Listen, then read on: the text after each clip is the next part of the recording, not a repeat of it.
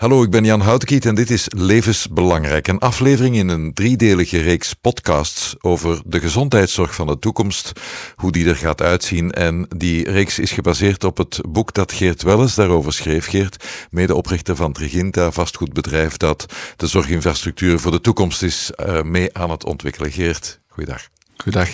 Uh, je bent ook bestuurder in diverse ziekenhuizen en woonzorgcentra. En dus jij hebt een bepaalde praktijkervaring ook, maar je vond het nuttig om een aantal mensen rond jou te verzamelen in dit boek, om jouw kennis en jouw visie af te toetsen aan die mensen. Wat voor mensen zijn dat? Het zijn allemaal eh, experten op hun domein. Hè. Mensen die een duidelijke visie hebben ook over de toekomst van de gezondheidszorg. Hè. Voor alle duidelijkheid, ik sta op het boek als auteur, maar mijn rol is veel eerder de, een soort uh, spelleider geweest te zijn. Hè, die een algemene generalistische visie heeft over de toekomst van de gezondheidszorg, maar die ik vond het tenminste belangrijk om die af te toetsen met een aantal experten die er ook zeer goed en grondig over nagedacht hebben. Ja, die mensen, dat zijn bijvoorbeeld Peter de Gat, die lang bij Zorgneticuro uh, de leiding had, Lieven Annemans, Leon Neels, Thierry Geerts, Karel van Eetveld, mensen uit heel diverse hoeken. En de bedoeling is om met dit boek, en dus misschien ook een klein beetje met deze podcast, een soort blauwdruk te maken van de gezondheidszorg uh, van morgen. Onze gast vandaag is Mark Noppen. Goeiedag. Goeiedag.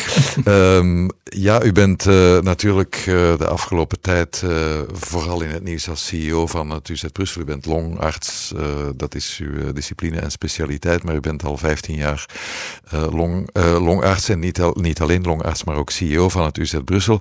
En u heeft een jaar of vijf geleden een, ja, mag ik zeggen, wat ja, grappig, bijtend, satirisch, ironisch, misschien een boekje geschreven met uh, uw communicatiecollega Edgar Eekman. De goden lossen het op. Klopt. Uh, waar in een fictieve context, maar toch duidelijk herkenbaar, ja, de, de staat van de gezondheidszorg werd opgemaakt. En dat was niet zo fraai, als ik me goed herinner. Wel, het was, zoals u zelf zegt, het was een uh, poging tot satire. Hè, een, uh, met een, al lachend zegt de zot de waarheid, zegt men wel eens. Maar het was eerder een, een, een samenrapsel van uh, ja, bevindingen, ideeën die een mens opdoet na meer dan twintig jaar in de kliniek gestaan te hebben, dus uh, in, in, in het front hè, bij de patiënt.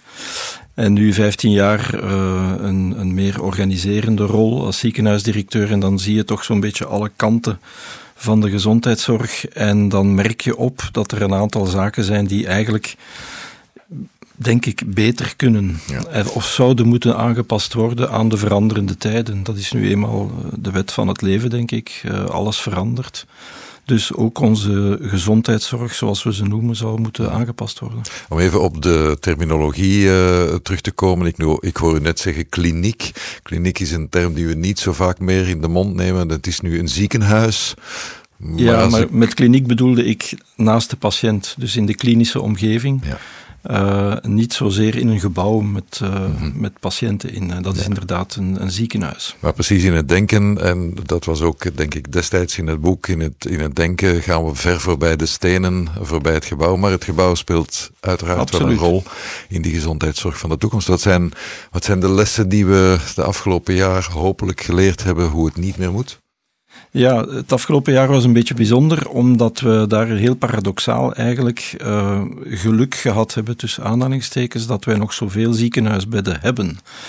Uh, in andere landen, ik denk aan het Verenigd Koninkrijk, maar ook Nederland bijvoorbeeld, toch onze directe buurlanden, hebben relatief minder ziekenhuisbedden en ook minder kritische ziekenhuisbedden. Dus die hebben toch wel wat uh, piekmomenten gekend waar zij echt veel nieuwe bedden hebben moeten creëren. Dus naakjes Engeland is dat nu ook op grote schaal aan het doen.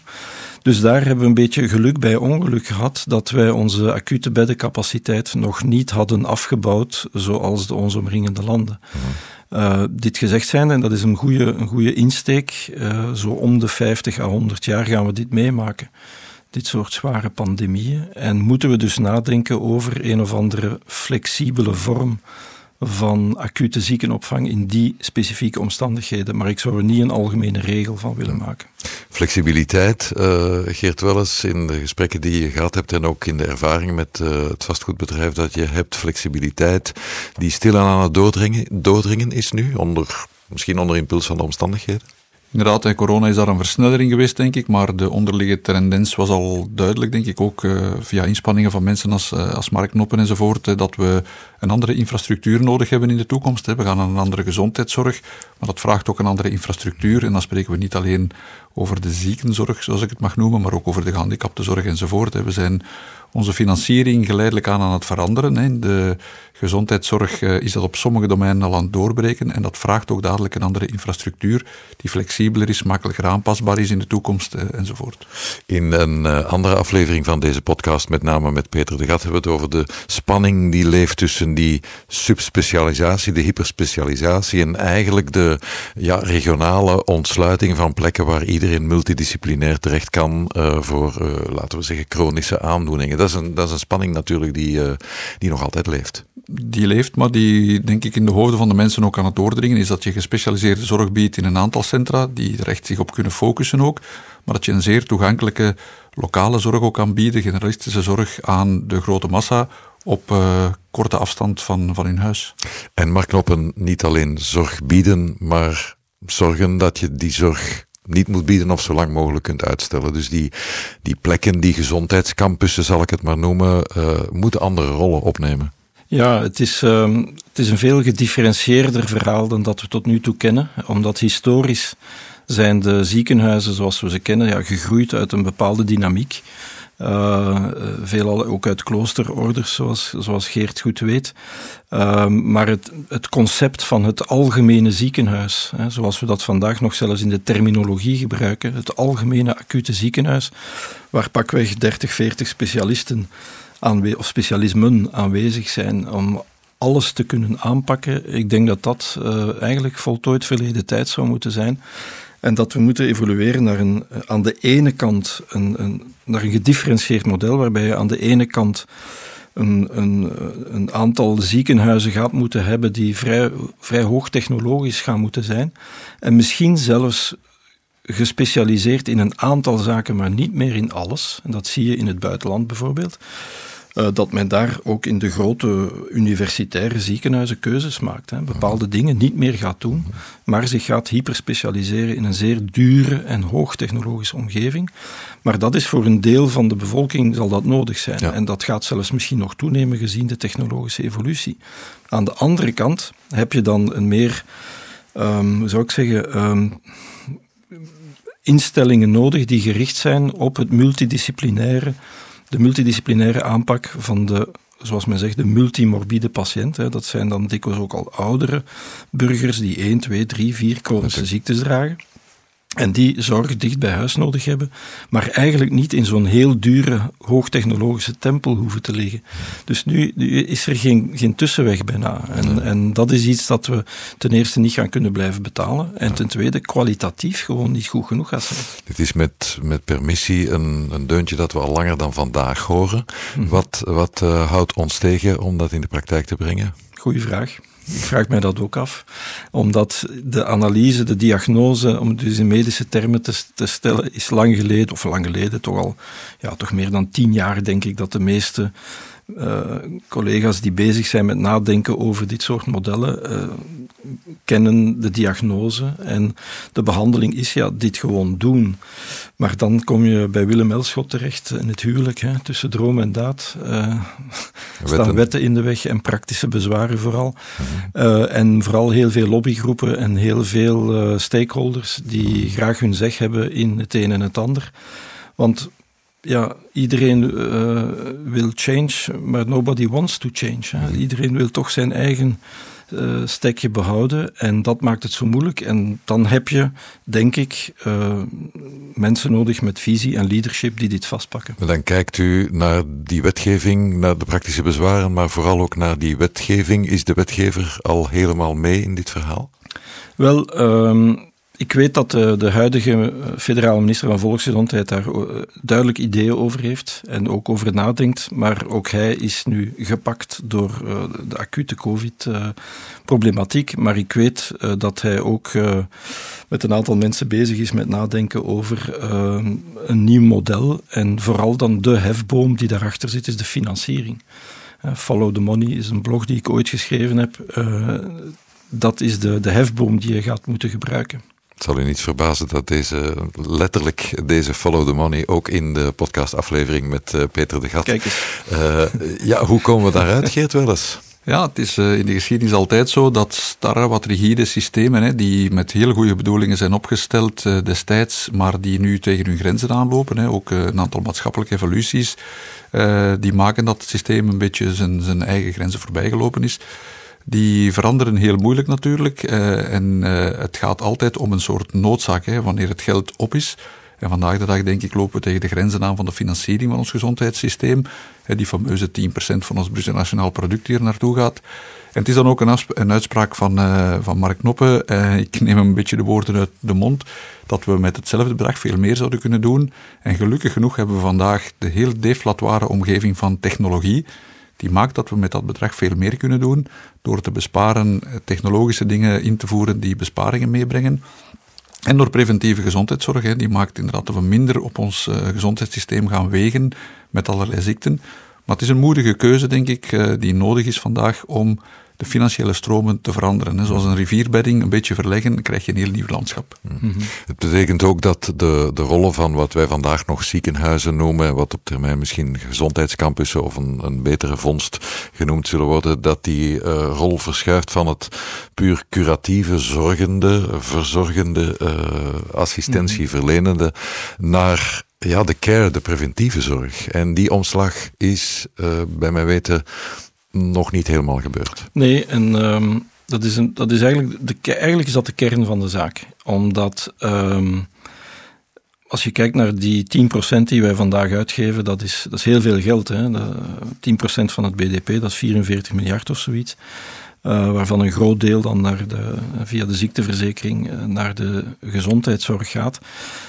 Daarvan gaat 2, 3 procent naar preventie ongeveer. En de rest is curatie. Dus, en, dat heeft te maken met ja, hoe het allemaal gekomen is. Hè. Sinds 150 jaar zijn we ons gaan fixeren in de medische wereld op het repareren van wat kapot is. En daar zijn we ook heel goed in geworden. Hè. Met z'n allen, de sector, we, hebben heel veel, um, we kunnen heel veel mensen helpen. Maar de focus is daarnaar gegaan. En dat is, is mooi samengevat in het toneelstuk van uh, Le Docteur Knok van Jules Romains. Tout tombe bien portant est un malade qui s'ignore. Het gaat allemaal over ja, ziektes behandelen. Mm -hmm. En uh, dat is ook heel cool en dat is heel sexy en dat is tof. En daar maak ik, maak ik tv-series van. Uh, en topdokters en dat soort dingen. Uh, maar ik zou eens graag een topdokter zien in de preventie. Hè, die bezig is met het voorkomen dat mensen in een stadium terechtkomen waarin dat wij dan technologisch moeten ingrijpen. Um, ik heb de cijfers bekeken van ons ziekenhuis. Wij schatten dat, ja, zo tussen het hangt er een beetje vanaf, tussen de 40 en de 60 procent van de mensen die wij in onze 700 bedden leggen, die liggen daar om redenen die theoretisch voor een groot deel hadden kunnen vermeden worden. Uh, en die te maken hebben met, vooral met gedrag. Voed, voeding, roken, voeding, roken beweging. alcohol, beweging, de klassiekers. Mm -hmm. En het is bijna een, een, een, een eentonig deuntje geworden, maar het is wel nog altijd zo. Uh, en ja, ik vind het nog altijd verbijsterend als longarts te zien dat een kwart van de Belgen nog altijd rookt. Um, ik vind dat vreemd, want dit, dit verklaart uh, continu 100 patiënten in mijn ziekenhuis. En nogthans, daar heeft de wetgever uh, ondertussen ook meer dan 15 jaar geleden een verantwoordelijkheid genomen, namelijk het roken in uh, publieke ruimten ja. sterk aan banden gelegd. Je ja. zou denken. En dat werkt. En dat werkt, ja. maar het werkt in beperkte mate. Ja, omdat uh, ja, het is nog altijd toegankelijk. Hè. Iedereen, ja, je moet 16 zijn denk ik nu, maar bon, wat wil dat zeggen? Mm -hmm. uh, en uh, het is er nog altijd. Hetzelfde voor alcoholgebruik in ons land. Zijn we toch, staan we aan de top in Europa voor wat betreft het alcoholgebruik. hetzelfde met lichaamsgewicht en dat soort zaken. Tussen haakjes, dat heeft ook een impact op, neem nu de covid-mortaliteit in deze acute pandemie zien we, ik heb gisteren nog de cijfers opgevraagd, het, het, het BMI, dus het, het lichaamsgewicht van de COVID-patiënt op intensieve zorg, is statistisch hoger dan de niet-intensieve COVID-patiënt. Dus het is een bijkomende risicofactor. Mm-hmm. Um, dus als je dat allemaal optelt, dan vraag je je af, ja, in feite hadden we nu een, als we nu een groter deel van dat toch enorme budget op een slimme manier zouden kunnen investeren in slimme preventie. Mm -hmm.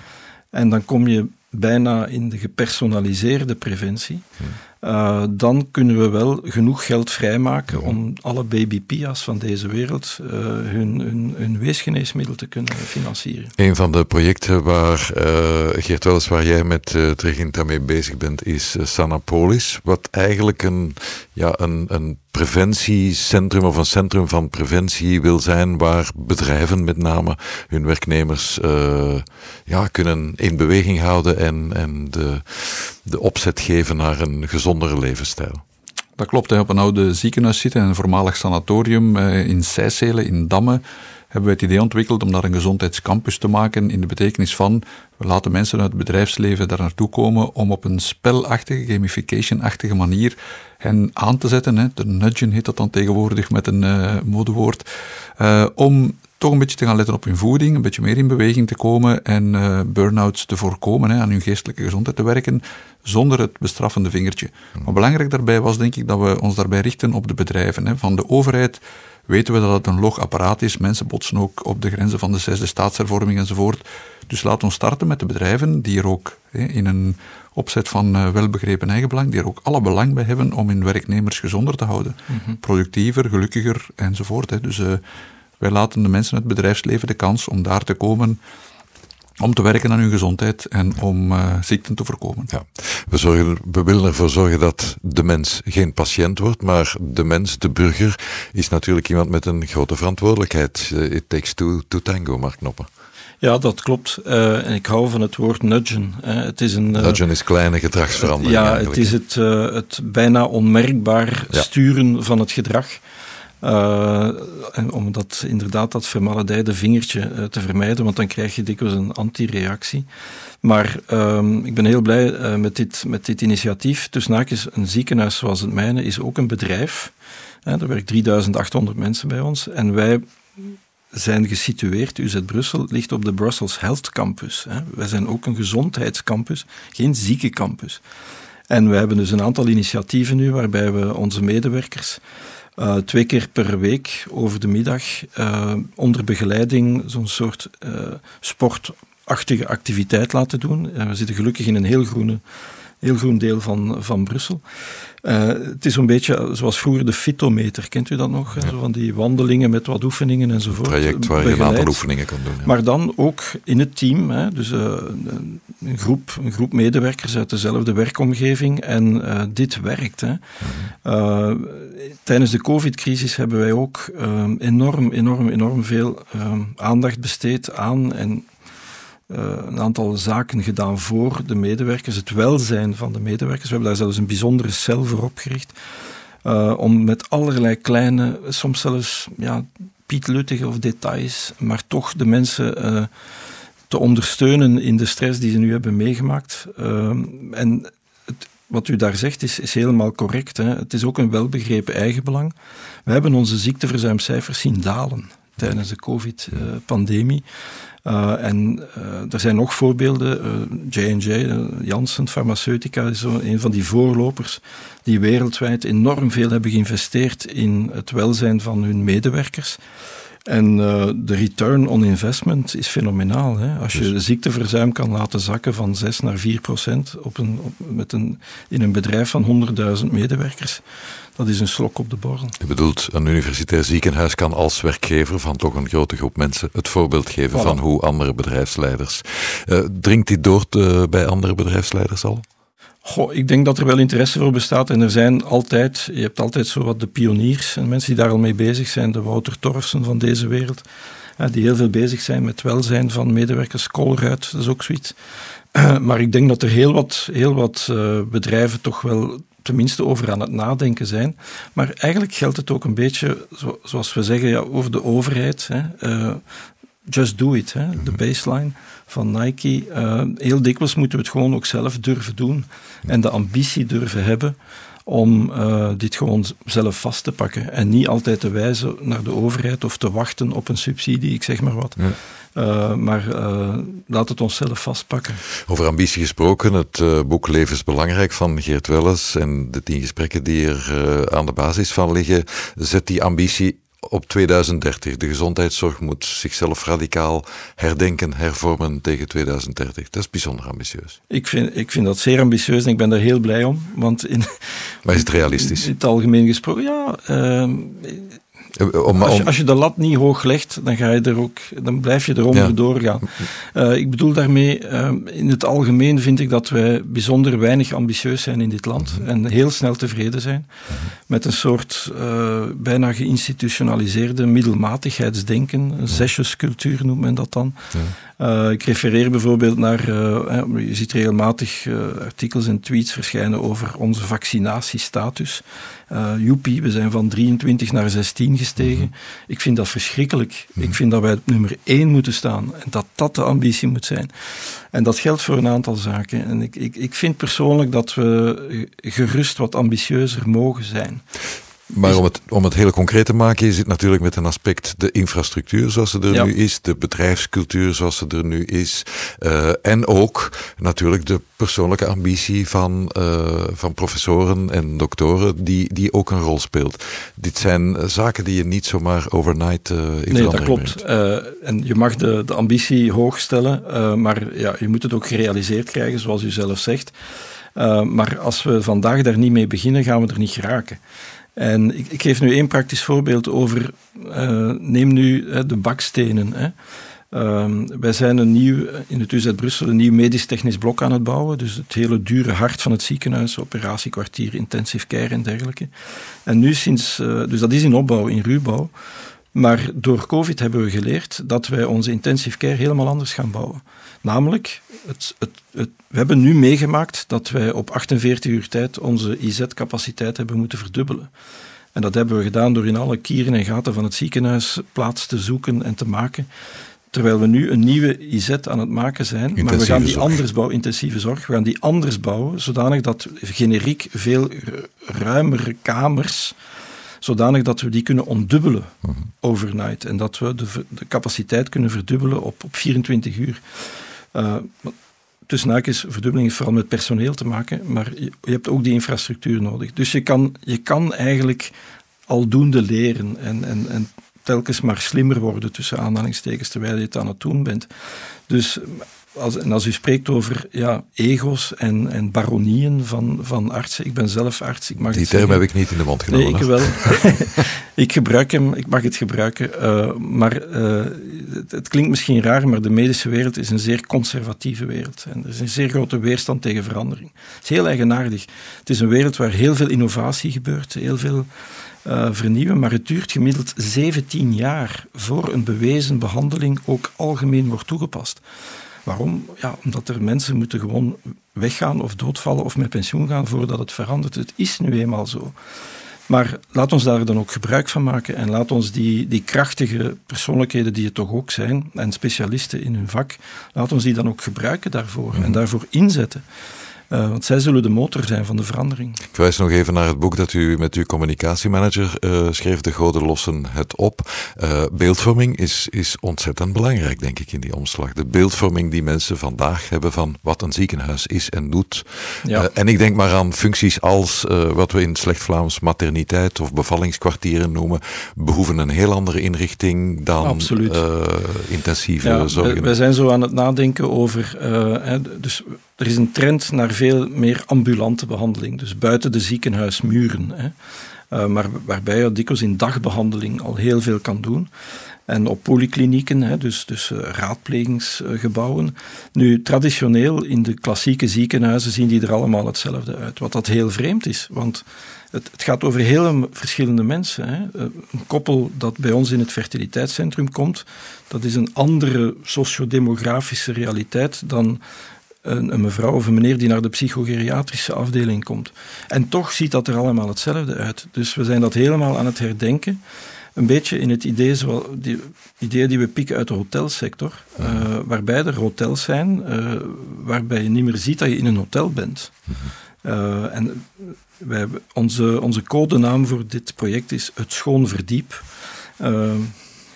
komen we daar nu op eigenlijk? Mm -hmm. uh, waarbij dat we een omgeving willen creëren waar uh, die ook uh, de patient experience verandert. Hè, de ervaring die de patiënt heeft, om niet altijd in zo'n steriel ziekenhuismilieu te moeten zijn, terwijl dat voor andere uh, specialisme dan weer wel nodig is. Mhm. Dus wat ik, daar, ik heb het in het begin al gezegd, hè, die differentiatie. Hè, dus het, het, scheiden van functies, het scheiden van omgevingen, is een flexibiliteit uh, die we gaan moeten ontwikkelen. Uh, dat staat hoog op het menu. Ja. Nou, dat vergt inspanning. Ja. En een, hotel, een, een hotelervaring is natuurlijk een ervaring van een tijdelijk bedrijf, uh, verblijf dat best zo aangenaam mogelijk verloopt. hetzelfde geldt voor een, voor een ziekenhuis.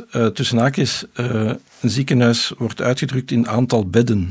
Hè? Dat is ook zoiets vreemd tegenwoordig is, is de, de, de, sector erop gericht om mensen zo kort mogelijk in dat bed te laten liggen. Ehm, toen ik jonge arts was, was de behandeling van een hartinfarct bedrust. En dat was nog iets van de vorige eeuw, want ja, er was niks, je kon niks doen, dus moest je blijven liggen tot je genas. En, en die de spreekwoordelijke platte rust. Die beeldvorming waarover u spreekt, eigenlijk zou dat moeten veranderen. En dat woord, een ziekenhuis van 700 bedden, dat zouden we moeten verbieden. Hè, om dat te kunnen, uh, want dat impliceert meteen een bed en dus liggen en dus een patiënt zijn die wacht op iets. En eigenlijk zouden we dat moeten omkeren. Uh, maar uh, bon, dat vergt dan weer, weer wat verandering. Ja. En verandering, daar wil deze podcast en ook dit boek natuurlijk uh, mee aan bijdragen. In de twee andere afleveringen komen Peter de Gat, destijds van Zorgneticuro en die ook als personeelsdirecteur nog het UZ Leuven heeft bestuurd. En Omer van den Berg, meer de gezondheidspsychologie, komen aan bod. We hebben hier denk ik al heel veel elementen die dat denk ik kunnen bespoedigen en versnellen. Een podcast met Geert Welles over de gezondheidszorg van de toekomst. Het boek is uitgegeven bij Pelkmans en kan u nu overal uh, verkrijgen. Geert Welles, dank u wel. En Mark Knoppen, CEO van het UZ Brussel, dank u wel. Dank u wel. Dank u.